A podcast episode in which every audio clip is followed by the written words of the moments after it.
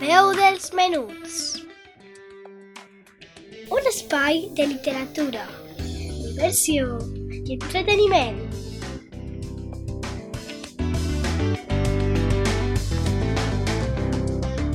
Amb Laia Esteve.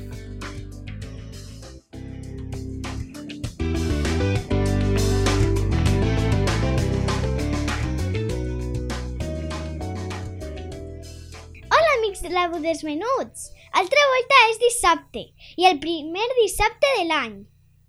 Avui vaig explicar-vos la tradició de menjar 12 granets de raïm al cap d'any. Perquè és que jo me menge i eh, pues m'ha sorgit aquesta pregunta. És el primer programa de l'any i, i per això volia fer-lo un poc especial. Comencem! Per què mengem 12 grans de raïm per cap d'any? Es tracta d'una pràctica molt observada i de la qual en sabem ben poc.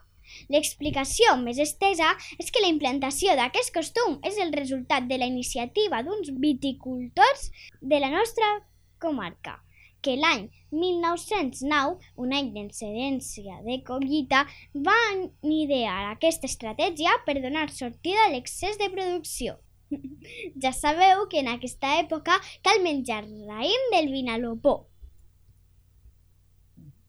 L'hàbit s'hauria anat implantant a partir d'aquell moment arreu de l'estat, amb més o menys celeritat, però no de manera immediata.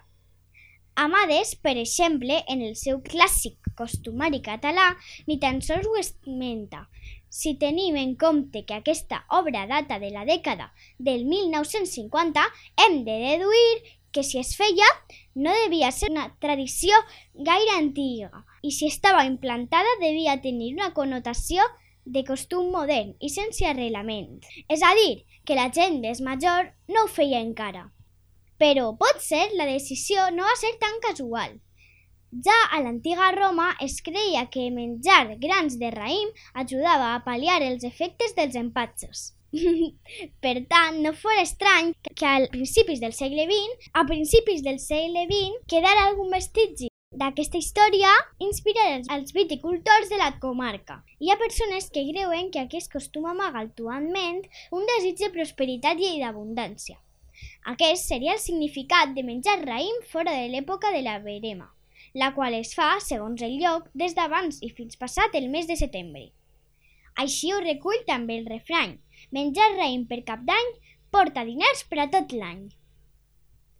La convenció de menjar 12 grans de raïm, si bé s'ha estès en alguns països llatinoamericans, com ara Colòmbia, no és pròpia de cap altre lloc més que d'aquí.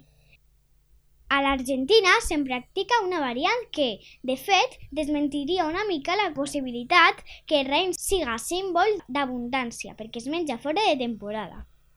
Allà es menja raïm pansit, és a dir, 12 panses.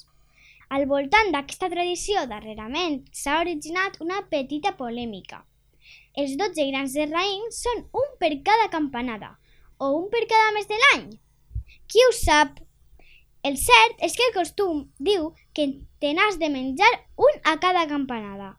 O és que potser algú se crega que si se deixa de menjar el guité l'agost seria pitjor que el gener?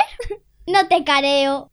Heu de saber que el raïm de la nostra comarca és el més, és el més famós de tot el món i dona treball a moltíssimes persones. I fins així el programa d'avui. Vos ha paregut interessant? Encara tenim algo que resoldre. El raïm correspon als mesos de l'any o als 12 campanaes. Això ja ho sabrem altre dia. Què penseu vosaltres? I acaba el programa d'avui dient-vos que espere que aquest any siga millor que el passat i vos dones gràcies per escoltar-me cada dia. I ara, com sempre vos dic, cuideu-vos molt!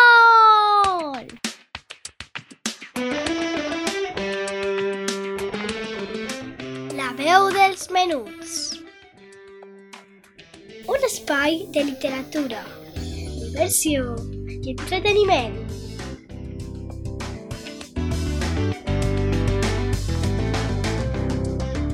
Amb Laia Esteve.